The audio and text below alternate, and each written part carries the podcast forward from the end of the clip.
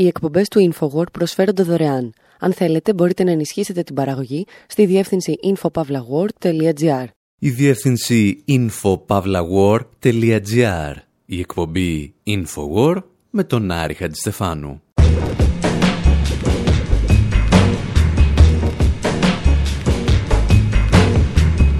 Όπου σήμερα αντίνουμε με μουσικές και τραγούδια μια πολύ ενδιαφέρουσα συζήτηση που είχαμε πριν από λίγες ημέρες με την Naomi Klein.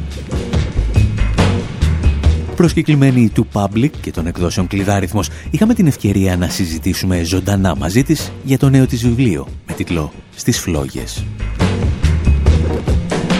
Αναρωτηθήκαμε πώς αντιδράς εάν στην ισχυρότερη χώρα του πλανήτη έχουν εκλέξει για πρόεδρο έναν άνθρωπο τον οποίο θεωρείς πολτό από ανθρώπινες ακαθαρσίες και λίπος. Ακούμε την συνομιλήτριά μας να τα βάζει με τον Μάικλ Μουρ και μαθαίνουμε τι συζήτησε και τι δεν συζήτησε με τον Αλέξη Τσίπρα όταν η ιστορία του χτύπησε λέει την πόρτα.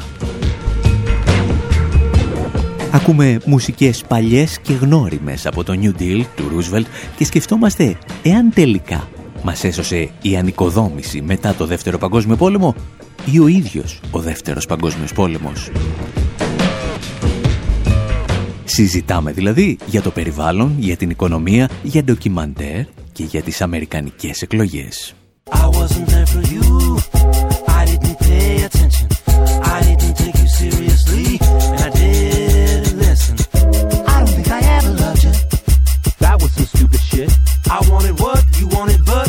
really felt the same. I kept my name cause we were just different. Your heart is in the clothing line. My body said Naomi Klein. No logo, we shared kisses and vision. But like kisses, shit that Gene Simmons said. A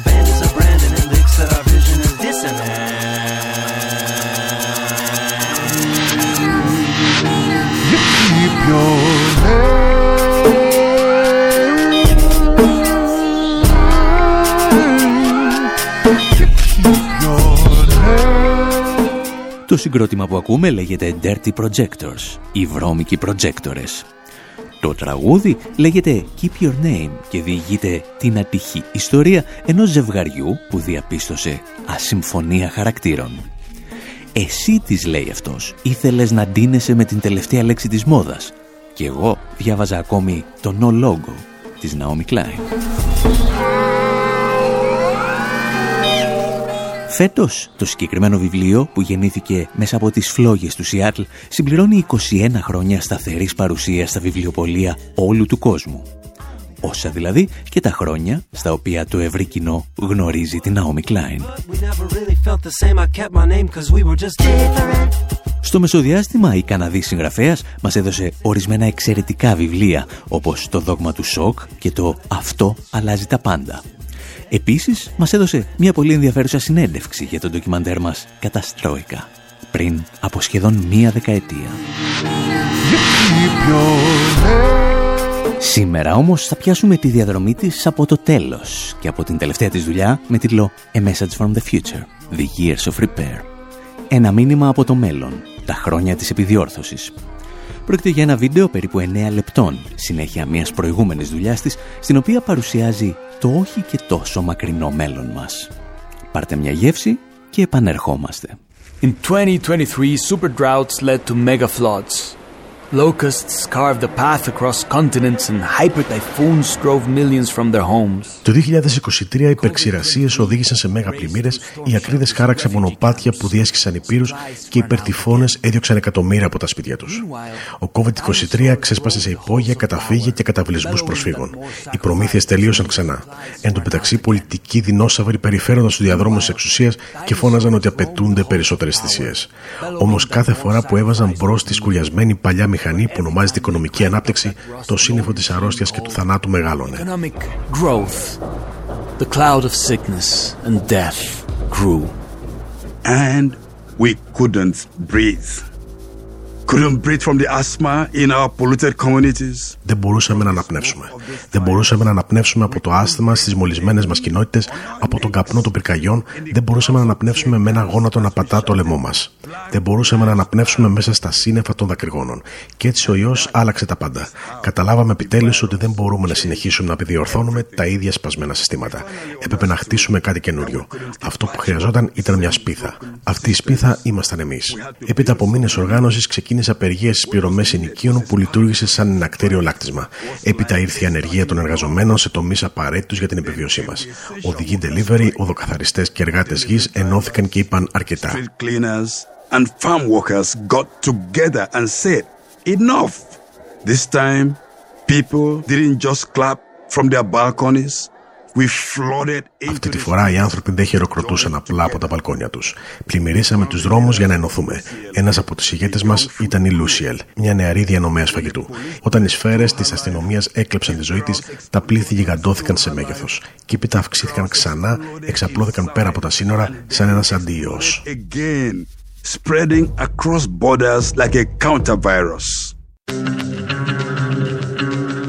Μια παγκόσμια εξέγερση λοιπόν ξεκινά και όλα είναι πλέον συνειδητά.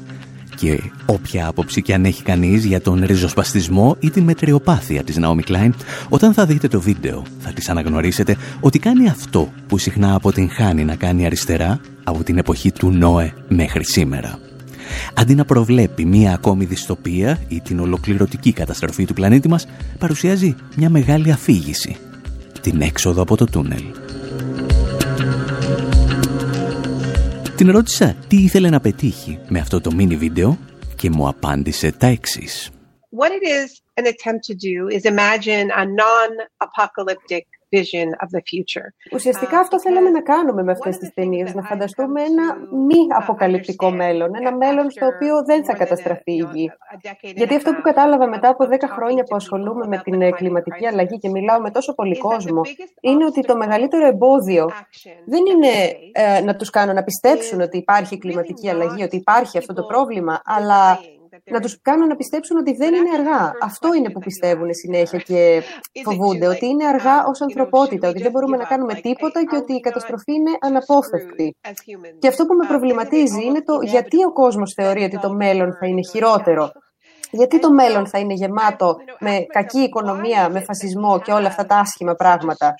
Γιατί θεωρώ ότι το έχουμε δει πάρα πολλές φορές στο Hollywood, πάρα πολλές φορές στις ε, ταινίες επιστημονικής φαντασίας, ακόμα και στη βίβλο. Μπορούμε να βρούμε ένα σωρό αρχέτυπες ιστορίες καταστροφής, όπως η κυβωτός του Νόε ή η αποκάλυψη, που ε, μια μικρή ομάδα ανθρώπων καταφέρνει να σωθεί και όλοι οι υπόλοιποι απλά καίγονται στις φλόγες.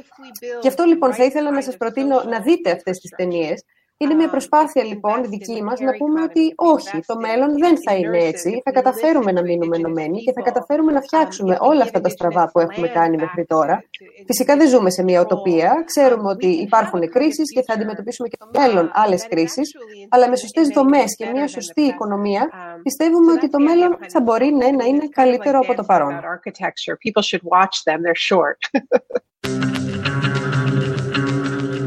Στο σημείο αυτό να σας πούμε ότι την μετάφραση της Naomi Klein, η οποία έγινε κατά τη διάρκεια της απευθείας σύνδεσης μαζί της, μας προσέφερε η μεταφράστρια και διερμηνέας Μέρη Κυριακοπούλου. Όσο για τα link για το βίντεο στο οποίο αναφέρεται η Naomi Klein, αλλά και για το βίντεο ολόκληρης της συνέντευξης, θα τα βρείτε και στο site μας info.pavlawar.gr.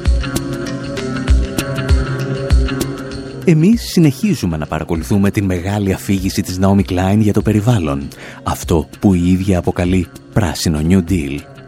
Και εδώ ξεκινούν ορισμένα προβλήματα, για τα οποία θα μιλήσουμε όμως ύστερα από μια σύντομη τοποθέτηση των Creedence Clearwater Revival.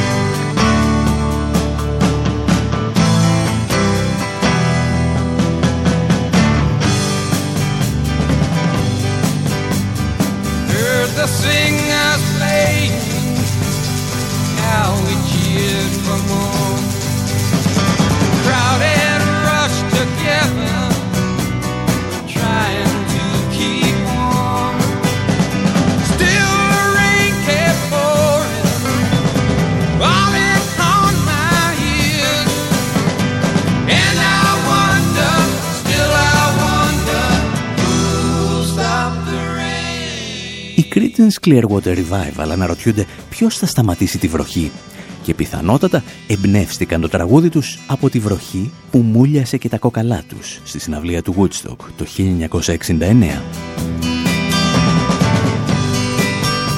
Η βροχή βέβαια στο τραγούδι συμβολίζει κάτι πολύ βαθύτερο. Σε κάποιο σημείο μάλιστα, οι Creedence Clearwater Revival πετάνε και μια πολιτική χειροβομβίδα στο κοινό.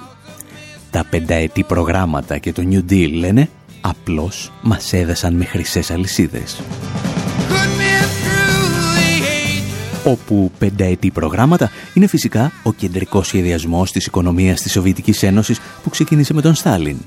Και New Deal ήταν το γιγαντιαίο πρόγραμμα δημοσίων επενδύσεων με το οποίο ο Αμερικανός πρόεδρος Franklin Roosevelt επιχείρησε να βγάλει την Αμερικανική οικονομία από τη μεγάλη ύφεση της δεκαετίας του 30.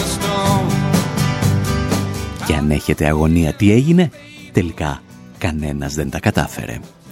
Την οικονομία έβγαλε τελικά από την ύφεση μόνο η τεράστια καταστροφή του Δευτέρου Παγκοσμίου Πολέμου.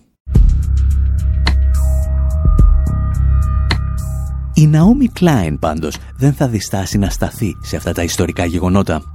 Στον πρόλογο του βιβλίου της εξηγεί ότι για τη διάσωση του πλανήτη απαιτείται μια προσπάθεια που θα μπορούσε να συγκριθεί σε κλίμακα με το New Deal, την στρατιωτική κινητοποίηση του Δευτέρου Παγκοσμίου Πολέμου και το σχέδιο Marshall για την ανοικοδόμηση της Ευρώπης. Πριν βιαστείτε πάντως να την κατηγορήσετε, στον πρόλογό της εξηγεί γιατί κάθε ένα από αυτά τα γεγονότα κατέληξαν σε μία νίκη του ίδιου του συστήματος, το οποίο είχε προκαλέσει το πρόβλημα. Όταν λοιπόν μιλά για πράσινο New Deal, φαίνεται να έχει απόλυτη συνείδηση της ιστορίας. Εγώ πάλι θέλησα να τη ρωτήσω και κάτι άλλο.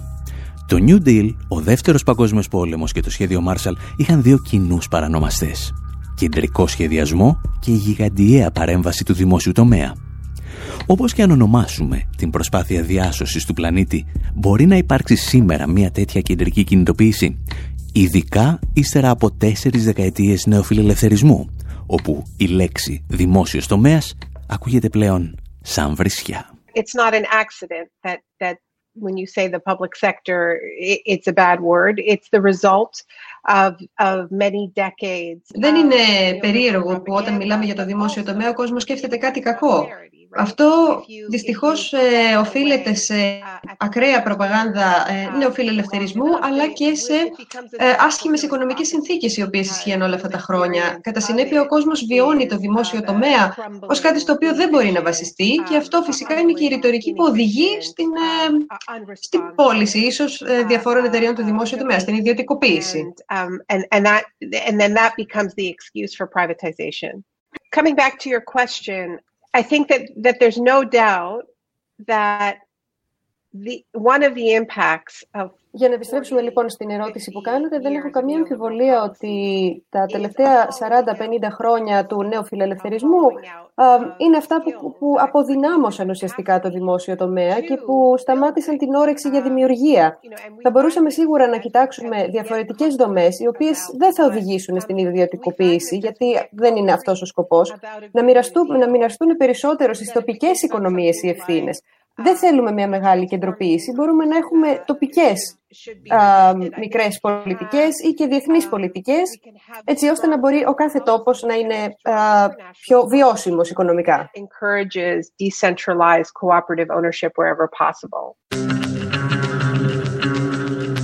Για την Naomi Klein, αυτό που πρέπει να δανειστεί το πράσινο New Deal από το New Deal του Roosevelt ήταν ότι το δεύτερο επιβλήθηκε σε σημαντικό βαθμό με πίεση από τους από κάτω. Παρά το γεγονός ότι εμφανίζεται μόνο σαν μια απόφαση του Αμερικανού Προέδρου και των συμβούλων του, συνοδεύτηκε από ορισμένες από τις πιο σκληρές συγκρούσεις διαδηλωτών και αστυνομίας στην ιστορία της Αμερικανικής Υπήρου. Ακόμη όμως και αν η πίεση από τα κάτω επιβάλλει στους από πάνω τη λήψη άμεσων μέτρων για το περιβάλλον, τα θύματα ενδέχεται να είναι και πάλι οι από κάτω. Ζήτησα από την Naomi Klein να ταξιδέψει εικονικά μαζί μου μέχρι την Πτολεμαίδα και να μπει σε ένα από τα σπίτια γύρω από τα μεγάλα ορυχεία λιγνίτη και τα εργοστάσια ηλεκτρισμού. Τη ζήτησα να φανταστεί ένα παιδί που ζει με αναπνευστική υποβοήθηση λόγω της λειτουργίας αυτών των μονάδων. Τη ζήτησα όμως να φανταστεί και τους γονείς του παιδιού που δεν θα έχουν να το ταΐσουν αν κλείσουν οι λιγνητικές μονάδες. Και αυτή ήταν η απάντησή της. I don't think that this is a problem specific to Greece. I think that that kind of desperation is global. It's in every Αυτό είναι ένα country πρόβλημα in the το world οποίο where δεν people συναντάμε μόνο στην so Ελλάδα, αλλά desperate, παγκοσμίως. um, Ο κόσμος economic παγκοσμίως είναι απελπισμένος that όσον αφορά την they, οικονομία και τις um, δουλειές they του. have to Σίγουρα βρίσκονται σε μια δύσκολη θέση, αναγκάζονται να κρατήσουν και να πάρουν δουλειές που θέτουν σε κίνδυνο την ίδια τους την υγεία. Αλλά όμως το αντίθετο ποιο είναι, η, η πείνα. Να μείνουν χωρίς φαγητό. Και η απειλή της πείνας είναι σίγουρα πολύ πιο άμεση από την απειλή που μπορεί να έχει στην υγεία μας αυτή η κακή εργασία, το κακό περιβάλλον εργασίας, δηλαδή το άσθμα ή καρκίνου πιθανότατα. Χρειάζονται καλύτερες επιλογές. Και την ευθύνη γι' αυτό σίγουρα την έχει η πολιτική ηγεσία. Και δεν βγάζω απ' έξω το περιβαλλοντικό κίνημα, γιατί μέχρι στιγμής δεν έχει δεσμευτεί για τίποτα. Δεν έχει δεσμευτεί με όλες αυτές τις παθούσες κοινότητες για μια δίκαιη μετάβαση από την οικονομία που έχουμε σήμερα στην οικονομία με- των ανανεώσιμων πηγών ενέργειας. Πολλοί μιλάνε για πράσινες δουλειές, green jobs όπως τις λέμε, αλλά αυτά είναι γενικότητες όμως. Πρόσφατα καταλάβαμε ότι αυτές οι πράσινες δουλειές που θέλουν να παρουσιάσουν και να προωθήσουν πρέπει να προσφέρουν τον ίδιο μισθό και την ίδια ασφάλιση με τις δουλειές που υπάρχουν σήμερα. Εδώ λοιπόν είναι που πρέπει να υπογραμμίσουμε το ήθος, που είναι μια λέξη δική σας, κανένας εργάτης να μην μείνει πίσω.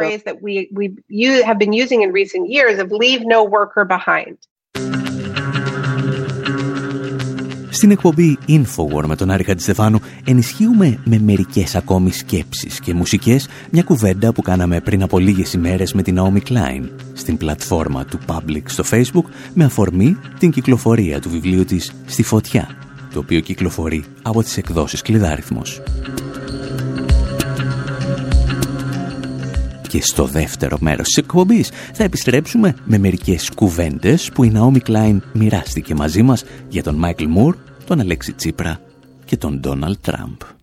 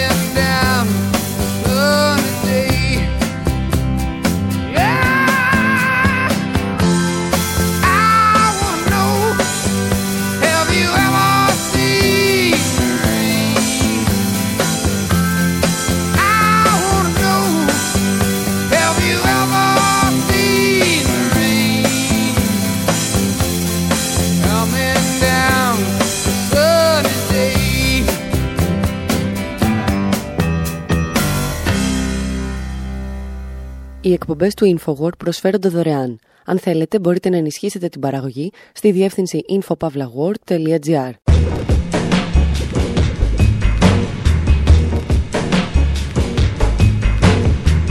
Εκπομπή InfoWord, μέρος δεύτερο.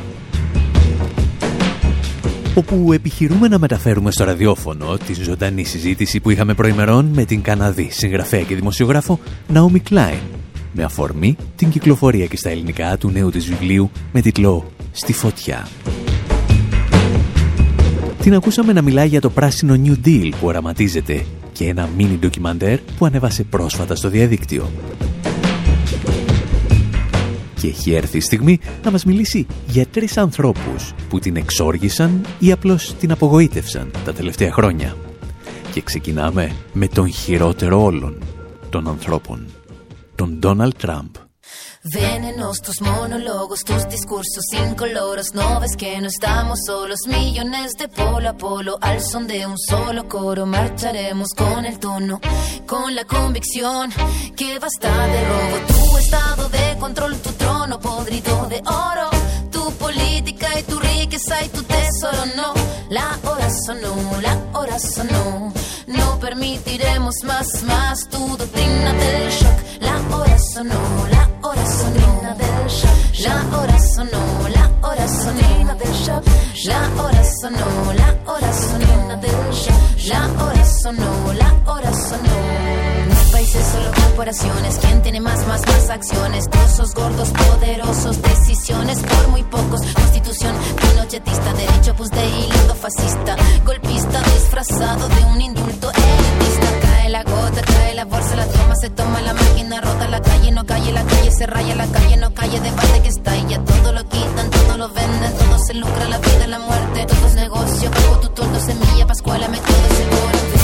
Tus monólogos, tus discursos incoloros, no ves que no estamos solos, millones de polo a polo, al son de un solo coro, marcharemos con el tono, con la convicción que basta de robo, tu estado de control, tu trono podrido de oro, tu política y tu riqueza y tu tesoro, no, la hora sonó,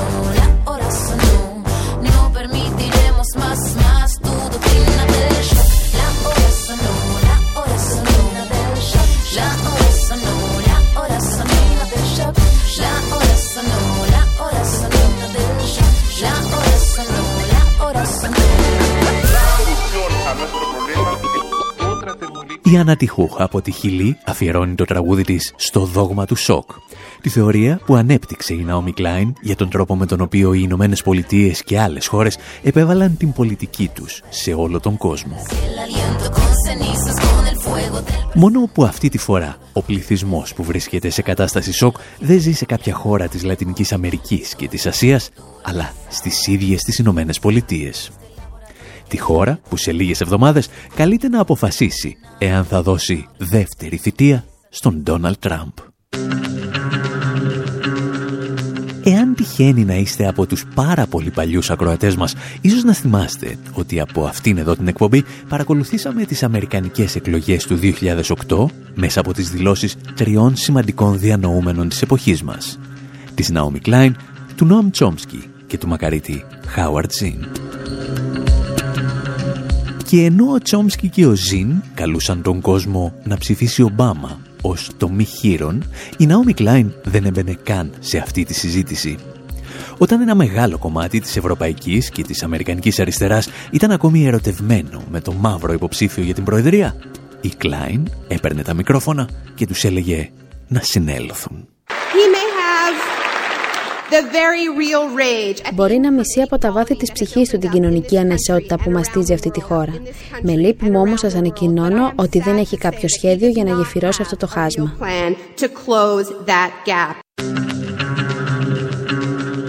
Η Ναόμι Κλάιν συμπλήρωνε μάλιστα ότι ακόμη και αν ο Ομπάμα είχε τις καλύτερες προθέσεις, η συμμαχία που είχε δημιουργήσει με τη Wall Street πριν ακόμη από τις εκλογές, του έδαινε οριστικά τα χέρια. Όπως είχε συμβεί δηλαδή και με τον Κλίντον. Πρέπει να θυμόμαστε τι συνέβη αμέσως μετά την εκλογή του Κλίντον το 1992. Όλα χάθηκαν στην περίοδο μεταξύ της εκλογής και της ανάληψης της Προεδρίας. Ο Κλίντον δέχτηκε τρομακτικές πιέσεις. Είχε παρουσιάσει μια φιλολαϊκή πλατφόρμα. Μιλούσε για το περιβάλλον και τους εργαζομένους όπως μιλά τώρα ο Ομπάμα. Μόλις όμως εξελέγει, οι παράγοντες της Wall Street πήγαν και του είπαν ότι βρισκόμαστε σε οικονομική κρίση, ότι δεν μπορεί να λάβει δραστικά μέτρα, αλλά πρέπει να λάβει μέτρα λιτότητας. Οι μεγάλες επιχειρήσεις λοιπόν που χρηματοδοτούν τον Ομπάμα ασκούν πιέσεις τώρα και θα ασκήσουν πιέσεις και κατά τη διάρκεια της μεταβατικής περίοδου.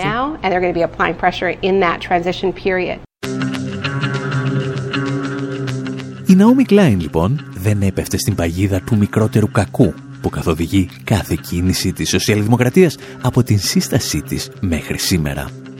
Γι' αυτό θεωρούμε ότι η άποψή της για τις επερχόμενες αμερικανικές εκλογές έχει ιδιαίτερη σημασία. Και αυτή τη φορά έχει εξίσου ξεκάθαρη όσο και διαφορετική άποψη. Στο βιβλίο της χαρακτηρίζει τον Αμερικανό πρόεδρο σαν Fatberg, μια λέξη που δυσκολευόμαστε να μεταφέρουμε στα ελληνικά. Είναι εκείνος ο συμπυκνωμένος πολιτός από ανθρώπινες ακαθαρσίες, χαρτιά, πλαστικά και λίπος που συγκεντρώνεται στους υπονόμους μιας πόλης, φράζοντας τις σωληνώσεις. Και αν στις εκλογές για την Προεδρία των Ηνωμένων Πολιτειών κατεβαίνει για δεύτερη φορά ένα Φάτμπεργκ, σκέφτηκα να τη ρωτήσω πόσο κρίσιμες είναι αυτές οι εκλογές για ολόκληρο τον πλανήτη. I think it's incredibly important that that we get rid of Trump. Uh, I don't have a lot of patience uh, for. Για μένα το πιο σημαντικό είναι να φύγει ο Τραμπ. Τελείωσε. Δεν έχω πια άλλη υπομονή για τον κόσμο που λέει ότι όλοι οι πολιτικοί είναι οι ίδιοι και δεν πρόκειται να φέρουν καμία αλλαγή. Όχι, κατ' εμέ είναι η ώρα να φύγει. Είναι ένας εξαιρετικά επικίνδυνος άνθρωπος και αρκετά δυνατός κιόλας. Δεν είναι ότι θα πάμε να ψηφίσουμε υπέρ του Biden, αλλά θα ψηφίσουμε κατά του Τραμπ. Αυτό είναι η ιστορία όλη. Η Αλήθεια Γκάρζα, μία από τις ιδρύτριες του κόμματος Black Lives, του κινήματος Black Lives Matter, λέει ότι όταν ψηφίζουμε με την ψήφο μας, Καμιά φορά δεν ψηφίζουμε για να διαλέξουμε υποψήφιο, αλλά για να διαλέξουμε το πεδίο που θα δώσουμε τη μάχη μας. Αυτό θέλουμε να κάνουμε λοιπόν τώρα. Προς στιγμή, ο Τραμπ το μόνο που κάνει είναι να φέρνει αντιδράσεις και να επιτίθεται σε όλο τον κόσμο, σε όποιον τολμάει να του ενδιαφεί. Ενώ με τον Biden θα έχουμε τουλάχιστον ένα καθαρό έδαφος στο οποίο θα μπορέσουμε να πολεμήσουμε. Γνωρίζω ότι οι ρηπαίνουσες βιομηχανίες χρηματοδοτούν και τα δύο κόμματα, Γνωρίζω όμως επίσης ότι όταν ήταν ο Ομπάμα πρόεδρος των Ηνωμένων Πολιτειών, ο κόσμος έβγαινε στους δρόμους για τον οποιοδήποτε λόγο και κατάφερε να κερδίσει ορισμένες νίκες, ορισμένες μικρές νίκες. Οπότε πιστεύω ότι η οργάνωση και η αυξημένη κινητοποίηση είναι αυτό που θα καταφέρουν να μας δώσουν ένα βήμα για να μπορέσουμε να νικήσουμε. Είναι μια εποχή για το καινούριο New Deal. Όταν διαβάζουμε ιστορία στα σχολεία, μας λένε ότι ο τάδε Αμερικανός πρόεδρος έκανε αυτό, ε, ο τάδε έκανε το άλλο. Αλλά δεν μας λένε ποτέ όμως για την τεράστια πίεση την οποία δέχονταν όλοι οι Αμερικανοί πολιτικοί. Το 1930 λοιπόν, όταν ο Ρούσβελτ ε, ψήφισε για το New Deal, είχε να αντιμετωπίσει πάρα πολλές απεργίες από όλο τον κόσμο που ήταν απέναντί του και να ανησυχεί παράλληλα και για τους σοσιαλιστές. Υπάρχουν αρκετοί που λένε ότι καλό θα ήταν να υπάρχει και η επιλογή ενός τρίτου κόμματος ε, στις αμερικανικές εκλογές ή κάποιος άλλος πολιτικός, στο ίδιο κόμμα ίσως.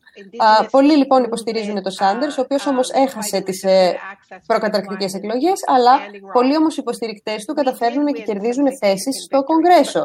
Καλό λοιπόν θα ήταν να υπάρχει μια συντονισμένη πίεση και από τον κόσμο, αλλά και από μέλη του εκάστοτε κόμματος, όπως για παράδειγμα ο Κόρεϊ Μπούς ή ο Τζαμάλ Μπόουμαν, οι οποίοι είναι υποστηρικτές του πράσινου New Deal, όπως το λέμε. Χρειάζεται λοιπόν πολλή δουλειά, πολλή οργάνωση και όπως είπαμε πίεση και απ' έξω και από μέσα.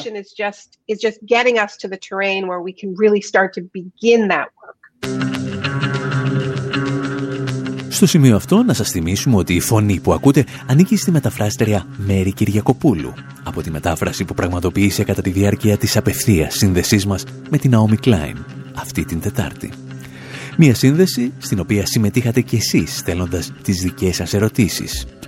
Και μία από τις πρώτες ερωτήσεις που όπως περιμέναμε εμφανίστηκε αμέσως στην οθόνη αφορούσε το ντοκιμαντέρ Planet of Humans.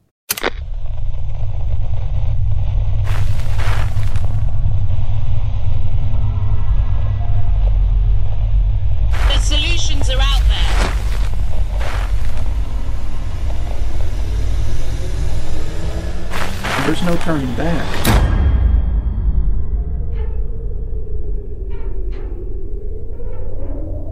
I don't think the people in charge are near nervous enough. Το ντοκιμαντέρ του Jeff Gibbs έγινε γνωστό κυρίως λόγω της προώθησης του από τον Michael Moore.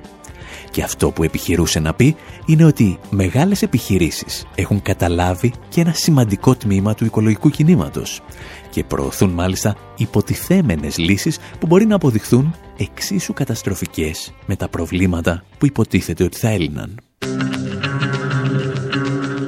Το ντοκιμαντέρ δέχθηκε σφοδρότατη κριτική από δημοσιογράφους όπως ο George Monbiot που ασχολούνται εδώ και χρόνια με περιβαλλοντικά ζητήματα. Προς στιγμήν μάλιστα το YouTube αποφάσισε να το κατεβάσει με πρόσχημα μια καταγγελία περί παραβίασης των κανονισμών πνευματικών δικαιωμάτων. Η Naomi Klein από την πλευρά της φαίνεται να έχει μια ελαφρώς διαφορετική άποψη. Η κεντρική ιδέα του ντοκιμαντέρ μας είπε ήταν σωστή. Η εκτέλεση όμως ήταν καταστροφικά λανθασμένη. The big picture is an important message, but I would say that it's a very flawed messenger, that film. You know, it's funny, when I first started... Τώρα, το σημαντικό για αυτή την ταινία είναι ότι το μήνυμά της ήταν, ήταν σημαίνον, ήταν βαρισίμαντο, αλλά όχι όμως και ο αγγελιοφόρος που παρέδωσε αυτό το μήνυμα. Και θα σας πω μια ιστορία. Όταν ξεκίνησα τη δημοσιογραφία και ήμουν ακόμα στο πανεπιστήμιο, στα 19 μου, είχα γράψει ένα άρθρο το οποίο ξεσήκωσε πολλές αντιδράσεις. Ήταν για την Παλαιστίνη και το Ισραήλ και μιλούσα ξεκάθαρα ενάντια του Ισραήλ. Και ο πατέρας μου μου είχε πει τότε, θυμάμαι, ότι είναι εντάξει να κάνεις ένα βήμα παραπέρα, αλλά μην φεύγεις τόσο μακριά ώστε να μην μπορείς να κοιτάξεις πίσω από πού ξεκίνησες. Το βιβλίο μου λοιπόν σίγουρα μιλάει για τον ε, καπιταλισμό και την κοινωνία που είναι ξεκάθαρα ενάντια στο περιβάλλον, οπότε δεν διαφωνώ με το μήνυμα που προσπαθεί να περάσει αυτή η ταινία, αλλά διαφωνώ με το ότι δεν έχει γίνει σωστά, ότι τα γεγονότα και οι πληροφορίες που παρουσιάζονται σε αυτή την ταινία δεν είναι σωστές. Θεωρώ ότι ναι, μεν η ταινία είχε λάθη και αυτά κριτήκαρα ουσιαστικά, αλλά δεν πιστεύω ότι πρέπει να λογοκριθεί με ενάντια στη λογοκρισία. Ανταυτού μπορούν να διορθώσουν αυτά τα λάθη που παρουσιάσανε, ειδικά όταν μιλάμε για ένα τόσο σημαντικό θέμα όπως το περιβάλλον. Κατά συνέπεια, αυτό θεωρώ ότι είναι το πρόβλημα, ότι η παραγωγή αυτής της ταινίας δεν έκαναν την έρευνα που θα έπρεπε και δεν παρουσιάσανε τα γεγονότα σωστά. I'm afraid.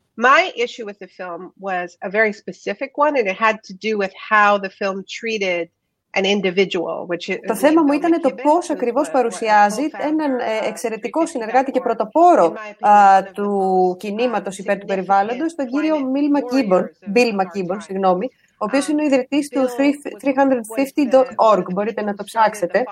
Είναι ένας πραγματικά πρωτοπόρος, πολεμιστής θα έλεγα, για τα δικαιώματα του περιβάλλοντος. Ίσως είναι ο πρώτος που έγραψε βιβλίο στα τέλη του 1980, το οποίο ονομάζεται End of Nature. Ήταν το πρώτο βιβλίο που παρουσιάστηκε στο ευρύ κοινό και μιλούσε για την κλιματική αλλαγή. Ξέρει πραγματικά τι χρειάζεται το περιβάλλον. Και η ταινία παρουσίαζε τελείως λάθος τις θέσεις αυτού του ανθρώπου ήταν κάτι που δεν μπορούσα να το δεχθώ, ειδικά από τον Μάικλ Μουρ, ο οποίος ε, δεν έχει συνεισφέρει καθόλου σε, σε, αυτό, σε όλο αυτό το κίνημα υπέρ του περιβάλλοντος. Αντίθετα, μάλιστα, πολλές φορές στα ντοκιμαντέρ του υπερασπίζεται και την αυτοκινητοβιομηχανία. Οπότε, λοιπόν, στην πρώτη ταινία που κάνει υπέρ του περιβάλλοντος, επιτίθεται σε έναν από τους πρωτοπόρους, σε αυτούς που έβαλαν τις βάσεις για την προστασία του περιβάλλοντος. Δεν ήθελα να το δεχθώ αυτό. Γι' αυτό και επικοινώνησα μαζί του πριν να βγει η ταινία στους κινηματογράφους, αλλά δεν μου έδωσε καμία σημασία δεν μίλησε καθόλου μαζί μου, παρότι γνωριζόμαστε κιόλας. Όταν λοιπόν υπερασπίστηκα τον Μπιλ για αυτά που υπόθηκαν για εκείνο στην ταινία, ο κόσμος επιτέθηκε σε μένα. Είναι κάτι το οποίο συμβαίνει πολύ συχνά στην ε, εποχή τώρα, γι' αυτό και ο κόσμος πολύ συχνά δεν θέλει να μιλήσει, γιατί φοβάται μήπως επιτεθεί κάποιος σε αυτόν. Επίσης, λοιπόν, δεν μου άρεσε καθόλου το πώς παρουσίαζε τις ανανεώσιμες πηγές ενέργειας ως κάτι μάταιο. Δεν είναι μάταιο. Το θέμα είναι ότι βασικά πρέπει να μειώσουμε την κατανάλωση της ενέργειάς δεν μπορούμε να πάμε στις ανανεώσιμες πηγές ενέργειας και όλα μαγικά να γίνουν καλύτερα. Χρειάζεται να αλλάξουμε τον τρόπο ζωής μας. Αυτό αναφέρουμε κιόλας και στην ταινία μας, Message from the Future, ότι ο τρόπος ζωής μας πρέπει να αλλάξει, όχι απλά οι πηγές ενέργειας. Η ταινία βέβαια του Michael Moore αναφέρει πως ε, οι ανανεώσιμες πηγές ενέργειας μολύνουν το ίδιο με τα καύσιμα λιγνίτη και όλους τους τρόπους ενέργειας που έχουμε ως τώρα. Αυτό είναι λάθος. Γνωρίζουμε ότι καμία πηγή ενέργειας δεν είναι αθώα, αυτό πρέπει να το ξέρουμε. Οπότε η μόνη λύση είναι να μειώσουμε την κατανάλωσή μας και να αλλάξουμε τον τρόπο ζωής μας. Αλλά το γεγονός όμως ότι παρουσιάζει τις ανανεώσιμες πηγές ενέργειας ως κάτι απατηλό είναι κάτι το οποίο κάνει τον κόσμο να χάνει την ελπίδα του.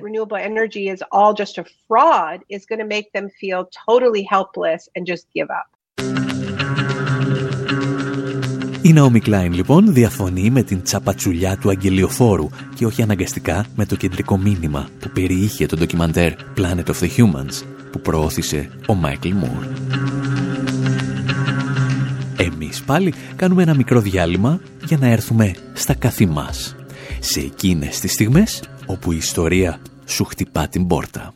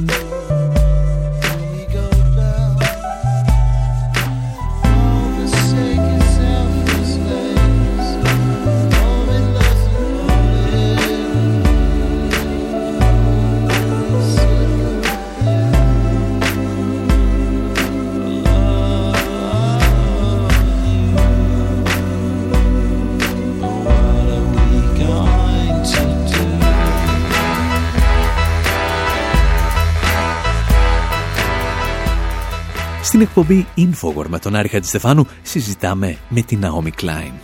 Για την ακρίβεια, μεταφέρουμε σε ραδιοφωνική μορφή την κουβέντα που είχαμε μαζί της στην πλατφόρμα του Public στο Facebook. Με αφορμή το νέο της βιβλίο με τίτλο «Στην φωτιά» που κυκλοφορεί από τις εκδόσεις Κλειδάριθμος. Και χωρίς εμείς να κάνουμε τίποτα σε αυτή την κουβέντα, πώς τα πήρε, πώς τα έφερε η Naomi Klein, θυμήθηκε την τελευταία επίσκεψή της στην Ελλάδα και τη συνάντησή της με τον τότε Πρωθυπουργό Αλέξη Τσίπρα. When I was in Athens, um, I don't know how long ago, she said six to seven years ago. Yeah, it's about that. Um, uh, όταν λοιπόν επισκέφτηκα την Ελλάδα πριν από 6-7 χρόνια, σίγουρα η αριστερή κυβέρνηση που είχαμε τότε με τον κύριο Τσίπρα δεν ε, είχε επενδύσει καθόλου στην κλιματική αλλαγή, δεν είχε αναφέρει τίποτα, γι' αυτό υπήρχε ένα κενό. Στις συζητήσεις που κάναμε κατηδίαν με τον κύριο Τσίπρα, μάλιστα είπε συγκεκριμένα ότι απέναντι στο Διεθνές Νομισματικό Ταμείο, ο στόχος του είναι να απορρίψει τελείως το όραμα του Green New Deal, δηλαδή μια καινούρια πράσινη συμφωνία που θα κάναμε με το Διεθνές Νομισματικό Ταμείο για τη δημιουργία νέων θέσεων εργασία. ακόμα τότε και οι Ποδέμος, το αντίστοιχο κόμμα της Ισπανίας, λέγανε πως ο κόσμος δεν πρόκειται να ενδιαφερθεί για το περιβάλλον εάν δεν έχει χρήματα να βάλει λεφτά στο τραπέζι του. Πιστεύω όμως ότι είδανε το θέμα τελείως λάθος, γιατί αυτός θα ήταν ένας τρόπος και να προωθηθεί η ατζέντα του περιβάλλοντος, αλλά και να δημιουργηθούν νέες δουλειές, νέες θέσεις εργασίας, πράσινες θέσεις εργασίας, όπως είπαμε. Οπότε λοιπόν, για να απαντήσω στην ερώτηση σου, Αλεξάνδρα, αν αλλάξαν τα πράγματα τα τελευταία χρόνια, ναι, θεωρώ ότι υπήρχε τεράστια αλλαγή και είμαι πολύ χαρούμενη γι' αυτό. Um, and it's a welcome one, uh, and it's very good news. But When I was in Athens some years ago, όταν ήμουν πριν μερικά χρόνια στην Αθήνα, ορισμένοι ακτιβιστές με τους οποίους συζητούσαμε ε, με ρώτησαν, ε, μου είπανε μάλλον, να ρωτήσω τον κύριο Τσίπρα που ήταν τότε πρωθυπουργός της Ελλάδας η ιστορία σου χτύπησε την πόρτα. Εσύ την άνοιξες; Αυτό μου άρεσε πάρα πολύ. Ήταν μια, ένα σχόλιο το οποίο το κράτησα μαζί μου και αφού του έφυγα από την Ελλάδα. Η ιστορία λοιπόν μας χτυπάει την πόρτα αυτή τη στιγμή και αυτό που είναι, αυτό πρέπει να δούμε τώρα, γιατί το μέλλον είναι στα χέρια μας. We have to ask ourselves, are we answering? Are we finding our fire in this moment? And we must.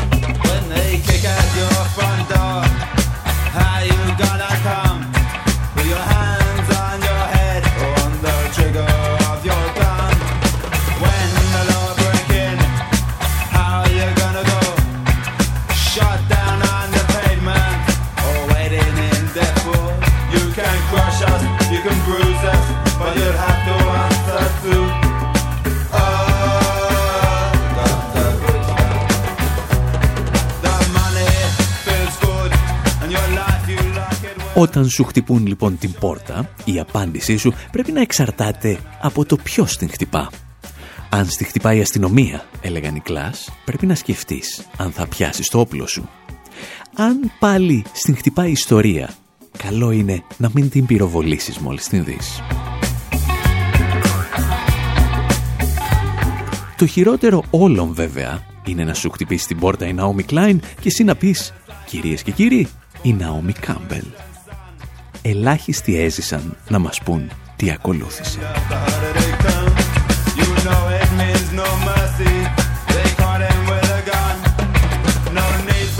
Εμείς πάλι κάπου εδώ λέμε να σας αφήσουμε και για αυτή την εβδομάδα. Αν θέλετε να δείτε ολόκληρη τη συνέντευξη με την Naomi Klein θα τη βρείτε στη σελίδα του Public στο Facebook, ενώ σχετικά link θα έχουμε και στη σελίδα μας info.pavlawar.gr να ευχαριστήσουμε για άλλη μια φορά τη Μέρη Κυριακοπούλου για την μετάφραση της Naomi Klein. Μέχρι την επόμενη εβδομάδα, από τον Άρη Χατζηστεφάνου στο μικρόφωνο και τον Δημήτρη Σαθόπουλο στην τεχνική επιμέλεια, γεια σας και χαρά σας.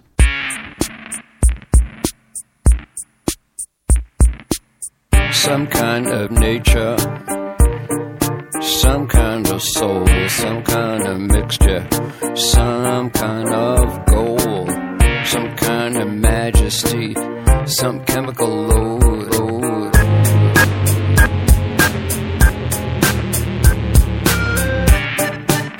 Some kind of metal made up from glue, some kind of plastic I could wrap around you. The needy eat man-made, they wear phony. They sit with our picture book and build big oh, oh, oh, oh. Some kind of nature, some kind of soul, some kind of mixture, some kind of gold, some kind of majesty, some chemical load. Well, me, I like plastics than digital foils to wrap up the sound and protect the girls from the spiritual poison we expel at night. Like phony clothes, but I really like might. Some kind of nature. Some kind of nature. Some kind of